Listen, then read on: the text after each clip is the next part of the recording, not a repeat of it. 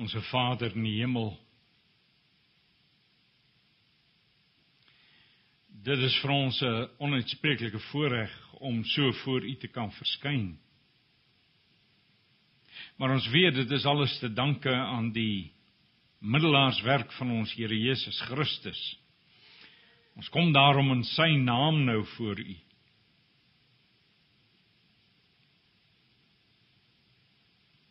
Nog eens Want ons het reeds vanmôre tot U toegetree. Maar ons Vader nou weer met die oog op die woordbediening. Kom bely ons ons afhanklikheid ek as die prediker my broers en susters hier as die hoorders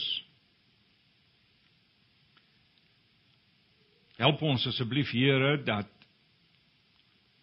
die prediking en die wyse waarop ons daarna luister vanmôre ook 'n uh, 'n stuk aanbidding sal wees.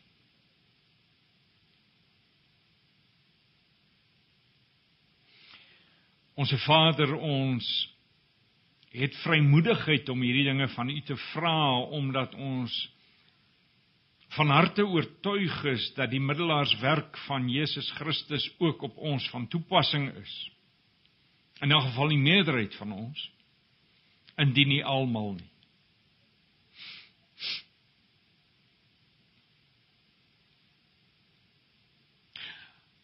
Ons dankie vir die woord en ons dankie vir die waarheid van die woord en ons dankie vir die kroon van u openbaring aan ons in die menswording van Jesus Christus. Hy wat gekom het as die woord die logos. Ons dankie dat hierdie openbaring van hom in elk geval die essensie daarvan van vir ons op skrif gestel is. En dat ons ons voortdurend maar weer daarin kan verlustig.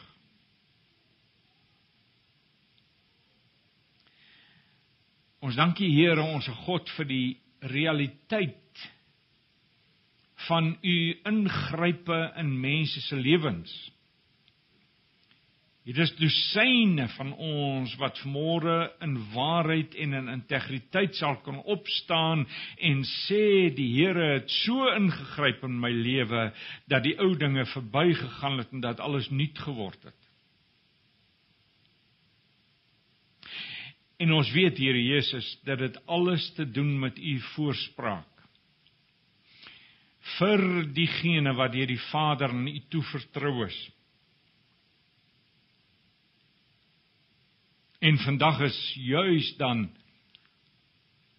'n dag waarop ons in die besonder, ja, elke Sondag, elke dag van elke week, maar in die besonder vandag wat ons terugdink aan die opstanding uit die dood, u finale triomf Vrydag kon ons besin oor die feit dat u in waarheid kon sê dit is volbring. Vandag kan ons uitroep met blydskap uit opgestaan uit waarlik opgestaan.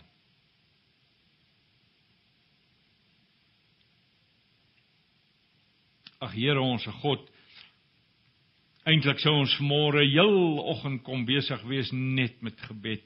Maar u woord is ook vir ons kosbaar en daarom vra ons laat u Heilige Gees Jesus Christus nou verhoog en verheerlik in ons midde deur vir my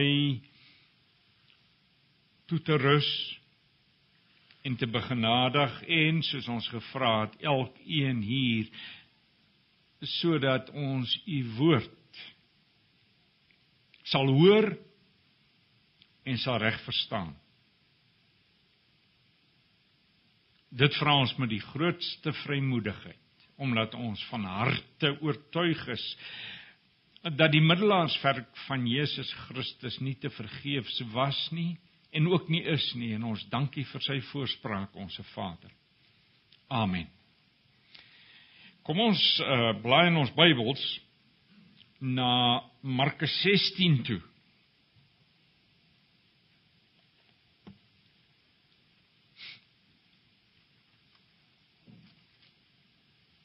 Ek gaan vir ons die eerste 8 verse lees. Markus 16, ek lees dit uit die Nuwe Afrikaanse Vertaling, die 83 vertaling. Toe die Sabbatdag verby was, het Maria Magdalena en Maria die ma van Jakobus en Salome reukolie gekoop om die liggaam daarmee te gaan balsem. In die Sondagmôre baie vroeg kom hulle by die graf aan net toe die son opkom. Hulle vra toe vir mekaar wie sal vir ons die klip voor die ingang wegrol. Klip was baie groot. Maar toe hulle opkyk, sien hulle dat dit klaar weggerol is. En toe hulle in die graf ingaan, sien hulle 'n jong man aan die regterkant sit met 'n lang wit klere aan en hulle het groot geskrik. Moenie skrik nie, sê hy vir hulle, julle soek Jesus van Nasaret wat gekruisig is. Hy's nie hier nie. Kyk, daar is die plek waar hulle hom neergelê het. Maar sê vir sy disippels en besonder vir Petrus, Hy gaan julle vooruit na Galilea toe. Daar sal julle hom sien soos hy vir julle gesê het. Hulle het uit die graf uitgegaan, weghardloop terwyl hulle gebewe het van die skrik. Hulle het vir niemand anders iets daarvan gesê nie want hulle was bang. Nou ek wil graag môre vanuit vers 6 vertrek Julle soek Jesus van Nasaret wat gekruisig is. Hy is uit die dood opgewek. Hy is nie hier nie. Wat 'n vreugde hierdie woorde.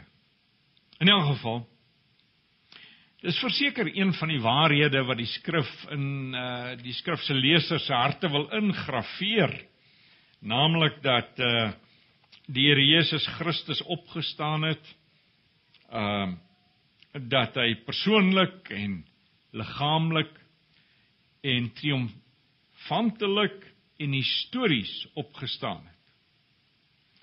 Mens hoor baie geluide in hierdie dae dat hy in die geheue en die herinneringe van die vroeë disippels opgestaan het en so meer. Nie te veel daaroor sê nie. Maar Markus 16 vers 6 is dus 'n 'n triomfvers. Hy sê die dood opgewek. Hy is nie hier nie. Nou al die al vier evangelies beskryf dit uitvoerig.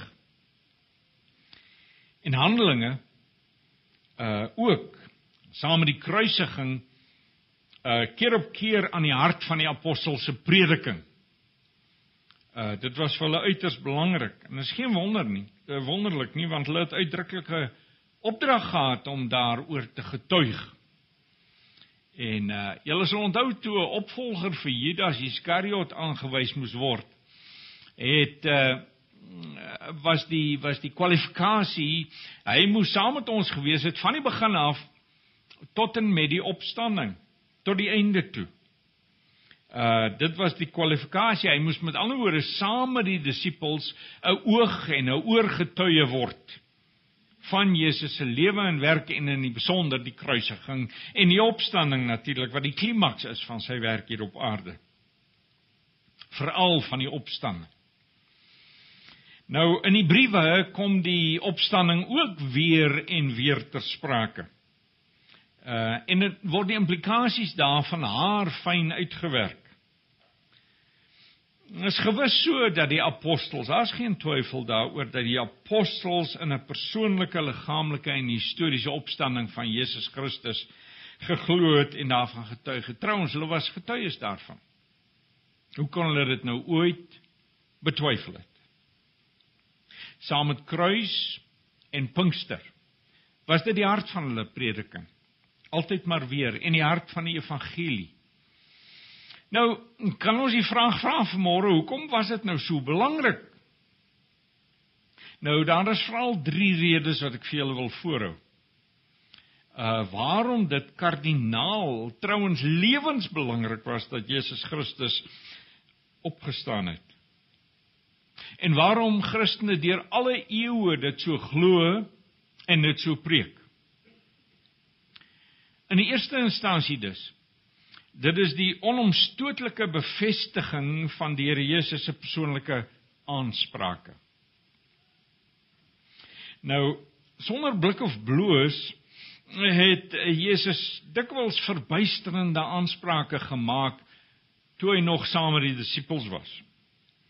Hoeveel maal het hy nie vir hulle gesê dat dat hy die seun van God en God die seun is nie. Op verskillende maniere het hy dit vir hulle gesê.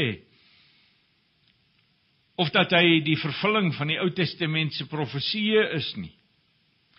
Of dat hy die wêreld se regter is nie. Natuurlik hier op aarde is sy aansprake op deur talle en talle en talle wonderwerke bevestig. En uh tekens en wonders. En verseker het dit sy disippels gehelp om in hom te glo. Ek kan my indink dit is moes hulle geweldig baie gehelp het.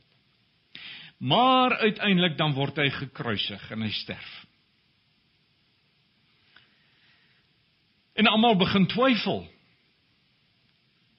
is dit die einde van nog 'n versteurde se grootheidswaan. Moes sekerlik deur duisend gemoedere gegaan het in daardie dag. Die Emmausgangers byvoorbeeld het uh, hiermee geworstel. Ons het so gehoop dat dit hy is wat Israel sou verlos. Sê hulle dan in Lukas 24. Maar op die derde dag gebeur dan die grootste en die finaalste van alle tekens. Dit is presies wat hy lank tevore beloof het nie waar nie, al in Johannes hoofstuk 2.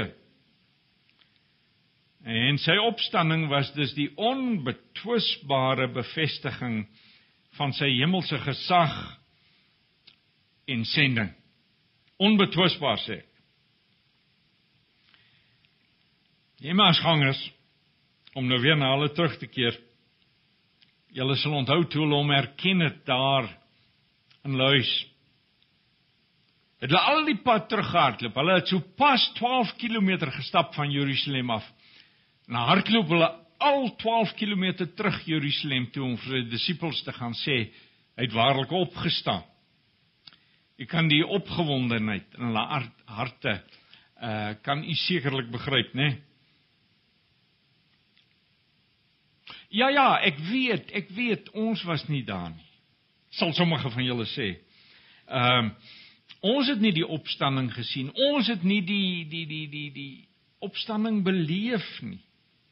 Ons moet bloot glo. Wel, dit is waar ons moet bloot glo. Maar ons het die getuienis van die apostels. En hulle getuienis staan so vas soos die berge, histories ook, histories ook. En ek is so dankbaar vir die woorde van die Here Jesus aan Thomas waar hy gesê het gelukkig is die wat nie gesien het nie en tog geglo het. Tog glo. Dis nou ons daai van wie hy daar gepraat het, nie waar nie. En dis 'n is 'n is 'n wonderlike werk van die Heilige Gees in mense harte. Ek bedoel hier is ons nou intelligente, ontwikkelde mense. Meeste van ons is redelik intelligent. En uh en en en ongelowiges sal vir ons sê maar as julle van julle sinne beroof om nou in so iets te glo man. En tog ek is oortuig daarvan dat die oorgrootste meerderheid van ons, indien nie almal nie, bereid is om te sterf vir hierdie waarheid. Maar goed, ek het gesê die eerste rede waarom dit lewensbelangrik is dat hy opgestaan het, is die onomstootlike bevestiging van sy persoonlike aansprake. In die tweede instansie, dit is die onfeilbare waarborg dat sy middelaarswerk deur die Vader aanvaar is. En dis kardinaal belangrik. Ehm um, Jy sien die vraag ontstaan in 'n mens se gemoed as jy nugter en eerlik oor hierdie dinge en volwasse oor hierdie dinge nadink, het hy regtig, regtig vir my verzoening gedoen.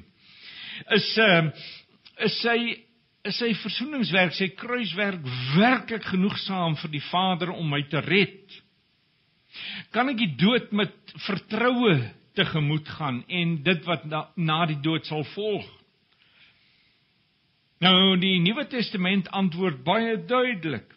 As jy in Christus ingevlug het, verseker. Verseker. Waarom? Ja, antwoord is eenvoudig. Hy het opgestaan. Hy het opgestaan. Die Jode het vir eeue gewag vir die Messias. Trouwens, die ortodokse Jode wag nou nog vir die Messias. En ten spyte van die volk se aanvanklike opgewondenheid, het hulle mettertyd stoom verloor. Jy sal weet dat in die vroeë dae van sy bediening het daar duisende agter hom aangeloop en uiteindelik was dit maar 'n stuk of 120 of wat dit al. Ons weet nie presies nie, maar wat getrou in hom gebly het. Hoekom het hulle ontnugter geraak? Wel, hulle het hom verwag as hulle politieke bevryder. Onder die hiel van die Romeine moes hy hulle uithaal. Hy moes 'n nuwe politieke bedeling kon vestig in hulle verwagtinge. En natuurlik die kruisiging bring hulle verwagtinge uiteindelik tot nul, tot 'n nulpunt. En wat meer is, die kruisiging vir 'n Jood was 'n teken van God se vervloeking. Dis dan die laaste strooi. Tog sou sommige van hulle hom nog spottend uitdaag. U sal onthou in die evangelies lees ons dit dat hy moet van die kruis afkom. Is asof 'n mens aan hulle stemme nog kan hoor 'n sprankie van hoop. Sê nou maar hy kom nou met 'n op hierdie dramatiese oomblik met 'n kragtoer en hy klim van die kruis af. Sal dit nie 'n wonderlike klimaks wees nie? Maar hy sterf. Hy sterf en hy word begrawe. Maar jy sien, die opstanding was eintlik God se uitverkiesende handeling. Dit was die Vader se proklamering dat die seun sy reddingsmissie na hierdie wêreld toe volmaak voltooi het. Alle eise van geregtigheid is bevredig Eh, die uitverkorenes is onlosmaaklik onomkeerlik losgekoop. Sonder die opstanding het ons geen versekering gehad dat Christus se ge se werk enigsins gewig sou dra by die Vader nie of gedra het by die Vader nie. Maar nou staan dit vaster as die berge. Die Vader het hom opgewek as 'n teken dat sy versoeningswerk aanvaar is. En in die derde instansie dan dit is Christus se toetrede tot 'n volgende absoluut noodsaaklike fase van ons verlossing. Die regsbasis vir ons verlossing is gelê aan die kruis. Dis finaal gelê. Maar die uitwerk daarvan, die realisering daarvan duur tot vandag toe voort. U sien, dis 'n proses. En daarmee is Christus tot vandag toe besig. Nog steeds. Hoe werk hy hier op aarde uit wat uitstaande is? Hy doen dit deur die werk van die Heilige Gees. In die Nuwe Testament vol hiervan. Deur die Heilige Gees roep hy sy uitverkorenes vanuit alle nasies, stamme, volke en tale. Vandag gaan daar talle en talle en talle mense reg op die reg oor die aarde met nuwe lewe begenadig word, die ewige lewe. Soos die Heilige Gees luitroep. as profeet as ons terugkeer na die Here Jesus se werk toe tans as profeet is hy besig om werkers in sy oes uit te stuur want hy werk middelik en hy werk deur sy uitverkorenes en hy stuur hulle in die oes uit en hulle gaan na alle nasies stamme volke en tale om hierdie goeie nuus te gaan verkondig in die vertroue dat hulle woorde wel op die ore sal val van diegene wat die Here wil red en hulle harte sal binnendring. As priester tree hy vir ons by die Vader in. Ek praat oor die voortgaande werk van Jesus na sy opstanding. as priester tree vir ons by die Vader in om ons in volkomeheid in die Grieks is nogal baie mooi daar. Hy hy red ons in volkomeheid in. Kan jy hulle die proses voel? Kan jy hulle voel daar's 'n proses in die gang en daai proses is in, op die oomblik in ons in die gang. Is in my in die gang.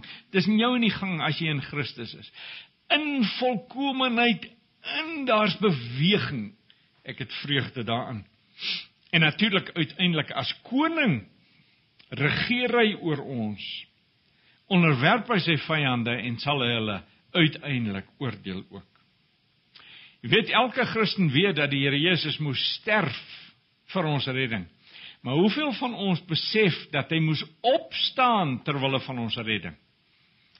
Want as hy nie opgestaan het om as koning van die regterhand van die Vader te regeer nie, sou hierdie proses net nie gebeur het in ons lewens nie. En jy weet, ek het soveel vreugde daarin om net ek het Vrydag ook daarna verwys om net te weet ons is nie besig met 'n godsdiens nie. Dis nie ons wat hier teen 'n leer opsukkel om te kyk of ons dalk by die hemel kan uitkom nie. Hoegenaamd nie. Wat ons beleef is 'n realiteit. Ons bluf niemand nie. Ons weet, ek het ek het net weer die afgelope dae teruggedink aan my lewe voordat ek in Christus was. En ek wil julle verseker, ek het lyk seker nie eintlik veel anders nie. Party mense word mos net jonger. Maar maar maar my gedrag, my persoonlikheid, my gerigtheid is lynreg anders as wat dit was. En ek roem nie persoonlik daarin nie. Ek het dit het met my gebeur. Dit is aan my gedoen.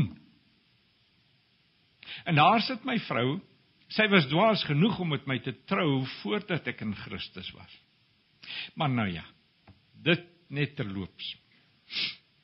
Ons het die vraag gevra waarom is dit so belangrik dat hy opgestaan het? Ek het vir u gesê daar's 3 redes. Bevestiging van sy persoonlike aansprake, die waarborg dat sy middelaarswerk deur die Vader aanvaar is en sy toetrede tot 'n finale fase van sy reddingswerk. Jy weet sonder die opstanding was alles te vergeefs. Ek het dit reeds gesê, ek wil dit tog net weer beklemtoon. In 1 Korintiërs 15 vers 12 tot 19 werk Paulus die implikasies uit indien Christus nie sou opgestaan het nie. En die implikasies sou vernietigend gewees het. As jy byvoorbeeld daar die apostel se prediking was dan sonder inhoud en gevolglik te vergeefs. Hulle navolgers tot vandag toe het dan 'n leuen geglo en hulle het 'n dooie verlosser vertrou. Hy sê verder dan ons geloof was dan te vergeefs. Uh die hand waarmee ek na Christus gegryp het, het dan net lug gegryp. In die wedergeboorte waarvan ek getuig, was dan net bluf. In heerlikmaking waarop ek my hoop stel, was blote ligspieeling en my kruisdra was futiel. En dan was die dood die einde. Hy sê derns As Christus nie opgestaan het nie, was ons nog gevangenes van ons sondes. Vers 17. Dan was ek steeds geestelik dood. Ons ek steeds in slawerny van my vlees en uh van die wêreld en van die duiwel. Dan was ek steeds onder die toorn van God as ek uh kan verwys na Efesiërs 2. En dan sê hy verder: As Christus nie opgestaan het nie, diegene van wie ons glo dat hulle in Christus gesterf het, sou verlore wees. Dan was daai kind van jou wat gesterf het of jou pa of jou ma van wie jy glo dat hulle in Christus gesterf het. of jou eggenoot van wie jy glo dat hy in Christus gesterf het. Dan was hulle verlore. Dan was hulle weg. Dan was hulle nou bloot stof in hulle graf. Of in die hel. Wag, wag, wag, wag, wag, sê jy. Ehm uh, jy protesteer ons het dan hom sy inspirerende lering en sy voorbeeld nie waar nie. Uh hoeveel armer sou ons nie gewees het sonder die veredelende invloed van die sê maar die bergrede nie. As hy nie opgestaan het nie. Leef hy ten minste voort in ons herinneringe. Hy leef voort in ons harte, hy leef voort in ons uh, medemenslikheid. Waarlik sy voorbeeld van destyds het 'n veredelende invloed deur die eeue gehad. Maar jy weet so 'n argument het vir Paulus nie die minste troos ingehou nie. En sy respons is eenvoudig: as ons net vir hierdie lewe ons hoop op Christus vestig, is ons die bejammerenswaardigste van alle mense. Laat ons eet en drink en vrolik wees. Geniet dan jou lewe, man. Dis basies wat hy sê. Jy sien vir hom, vir Paulus, verdwerg die behoefte aan 'n beter wêreld voor sy alles oorheersende nood, naamlik verlossing van sy sondes, vrywaring van God se toorn en beerwing van die ewige saligheid. Dis waaroor dit vir hom gegaan het. Nou kom hy tot net een slotsom soos ek net nou gesê het, kom ons eet en ons drink en ons wees vrolik. Ons maak van hierdie lewe 'n jol man. So kennelik het die apostel Paulus se lewe en sy kristendom oor 'n beter wêreld nie gegaan nie, maar oor 'n salige hiernamaals. So, u sien, ons moet weet of hy opgestaan het. Ons moet sekerheid hê oor die historiesiteit van sy opstanding. Het hy regtig regtig opgestaan? Persoonlik, liggaamlik, histories. Hoe kan ons vasstel? Hoe kan ons weet? Wel, daar's baie hieroor te sê, maar Ek hou my gewoon by die Bybelse argument. Honderde mense sê die apostel Paulus vir ons in 1 Korintiërs het hom gesien na sy opstanding. Op 'n stadium 500 of oor die 500 broeders te gelyk. Van wie die meeste nog leef sê hy. Met ander woorde, hulle sou die egtheid en die waarheid en die betroubaarheid van die apostoliese getuienis kom bevestig. Gaan vra hulle. Gaan vra hulle sê. Nou, ek weet, die apostels leef nie meer vandag nie. Maar hulle geskrifte is tot ons beskikking. En hulle geskrifte, die autentisiteit daarvan staan vaster as die berge. Uh soos iemand gesê het, jy hoef 'n fraksie van die getuienis vanuit die antieke wêreld te hê oor 'n geskrif en dan jy geen twyfel daaroor dat Kiekerhou dit geskryf het of wat die geval was. En daar is honderde getuies wat vir ons kan bevestig dat die apostoliese getuienis waar is. Nou kom ek haas my nou na die einde toe. Wat beteken die opstanding van Christus vir my lewe hier en nou? Hier en nou. Ek sê weer party teoloë trouens toenemend baie teoloë sê dat hy bloot nie herinneringe van die vroeë kerk opgestaan het. Nou daar was wel 'n tyd wat die apostels net herinneringe oor Jesus gehad het. Ek verwys na die 3 dae tussen sy kruisiging en die opstanding. En toe was hulle die mees moedelose mense in Palestina. U sal dit weet. Maar die oomblik toe hulle besef hy het waarlik opgestaan, het alles verander. Hulle is gelanseer in 'n lewe wat onstuitbaar doelgerig was en So het hulle dus van die mees invloedryke lewens geleef wat ooit geleef is in die geskiedenis van hierdie wêreld. Omdat hy opgestaan het. Sou hulle daartoe in staat gewees het as hy nie opgestaan het? Nee, nee, nee, nee. Hulle sou te, teleurgesteld en ontnugter elkeen teruggegaan het na sy huis toe en Petrus en sy vriende sou weer begin visvang het. En hulle sou beswaarlik gelag het in die tyd wat vir hulle oorgebly het tot die dood toe. So, u sien herinneringe kon hulle nie troos of inspireer nie. Dit was die wete hy het regtig opgestaan. Nou die opgestane Christus heers in hulle wat in hom behoort. As jy in hom behoort vandag heers hy in jou deur sy Heilige Gees met ingrypende ervaarbare en waarneembare effekte. Ek het alreeds daarna verwys vandag. Nou wat is die aard van hierdie effekte? Nou die apostel Paulus uh, uh is nie stil daaroor nie. Hy skryf daarvan in Romeine 6 en Efesiërs 1 veral. En in Romeine 6 sê hy byvoorbeeld vir ons dat die gelowige nie net saam met Christus gekruisig is nie, maar hy is ook saam met hom opgewek. Hy het saam met hom opgestaan. En wat is die gevolg? Hy kan in eenvoudig nie meer in sonde volhard nie. Kan nie meer. Trouwens, in 'n nuwe lewe heers hy oor die sonde. Wat nie beteken dat ons nooit sondig nie maar ons lewens word gekenmerk deur heerskappy oor die sonde. Dis hoekom ons sonde ons lewens soveel anders is. Ons haat die sonde. Ons wil dit nie meer nie. En alles te danke aan die heerskappy van Jesus Christus deur sy gees in ons. Ons kan nie eenvoudig nie daarvan wegkom nie. 'n Ware Christelike lewe is anders.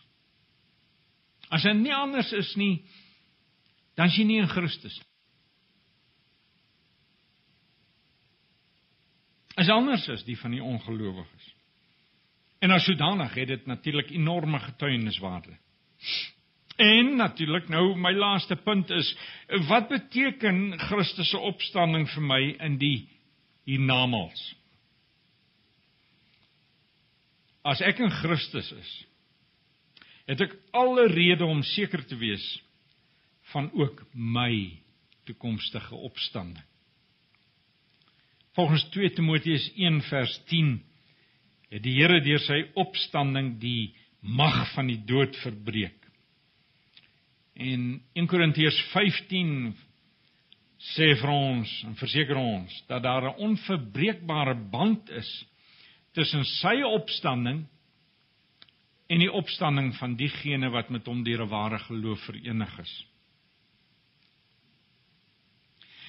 uh, sy opstanding en ons opstanding is bloot twee noem dit fases van dieselfde proses.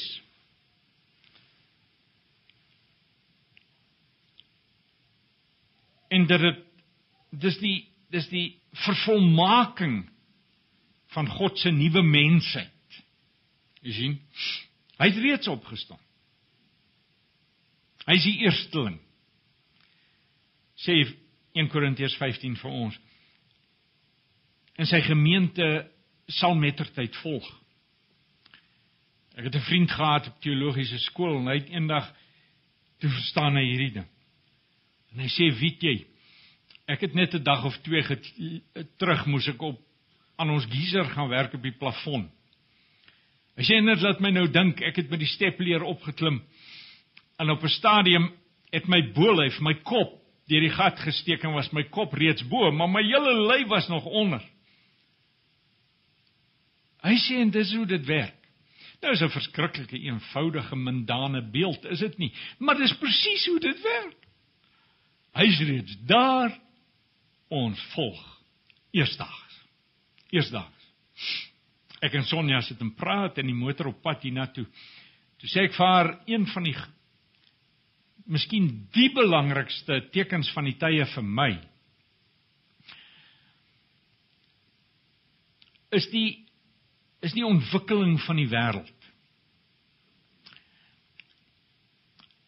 jy weet dinge soos soos besoedeling en en en die die die bevolkingsontploffing. En en die ontwikkeling van die wetenskap.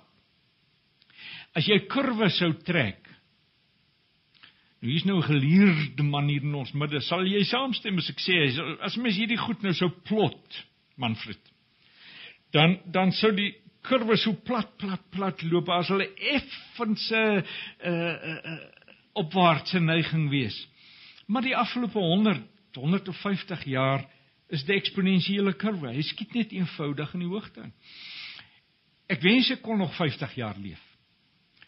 Weet jy, ek wens ek kon nog 50 jaar leef want ek kyk baie dae gisterand kom my skoonseun na by my in en hy wys vir my goed op Google Earth wat ek nie kon glo toe ek dit sien nie. Ek kon dit nie glo nie. En ek sê toe vir hom, "Wie jy? Hierdie dinge het alles die afgelope 10, 20 jaar ontwikkel. Waar gaan dit nie wees nie, hein? Waar gaan dit nie wees oor 50 jaar nie? As die Here tel om te kom. En en ek sê weer, dit is vir my by uitnemendheid 'n teken van die tye. Ja, julle mag dink ek is laf.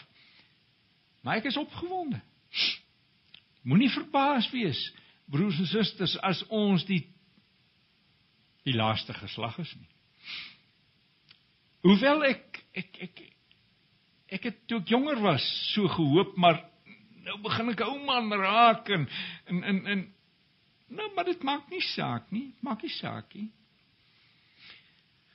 Want op daardie dag as hy terugkom, sal die dooies niks agter wees by die wat nog lewe nie. En wie weet as ons in 'n tussentoestand is, gaan die tyd dalk heelwat vinniger verloop as nou. Ek het nogal so gevoel. Maar dit nou maar net terloops, ekskuus, dit dit was nou glad nie in my beplanning. Hoe dit ook al sê, as ek in Christus is, sal die Vader my aanvaar net soos hy die seun aanvaar het. Almal sal opstaan en vir ewig lewe sê Johannes 5 vir ons. Maar 'n klein minderheid is my oortuiging sal deur die Vader aanvaar word. Vir diegene in Christus is daar geen veroordeling meer nie. Net heerlike liefdesaanvaarding. In Romeine 8 vers 31 en volgende daag Paulus as dit ware die hele wêreld uit om vir Saulus die moordenaar skuldig te bewys. Sy argument kom hierop neer. Hy sê wie sal my veroordeel met so 'n middelaar? Ek het hom ingevlug.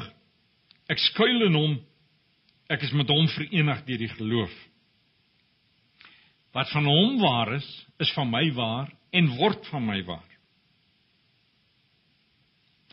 Wie my skuldig bevind, moet hom eers skuldig bevind. Ah, nee sê. Vir God se verwerping vrees ek nie. Hy het my plaasvervanger se offer aanvaar. Hy het dit bekragtig deur hom op te wek. Gewis sal hy my ook opwek en aanvaar. Kom ons bid saam. Onse Vader in die hemel. Ons dankie vir die triomfboodskap van hierdie dag. Ons dankie dat ons mense kan wees met 'n onwankelbare hoop. Dat ons vir geen oomblik bevrees hoef te wees as ons oor die toekoms dink nie. Tewens dit is 'n opgewonde afwagting wat ons vul as ons dink aan wat vir ons wag. Ons dankie vir die volmaakte middelaarswerk van Jesus Christus. Waarby ons nie een greintjie verdienste hoef te voeg nie.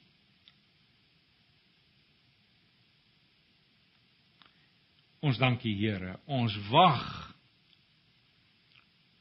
Ons wag met opgewonde afwagting op die verdere ontwikkeling van u raadsplan. Ons prys u heilige naam. Amen.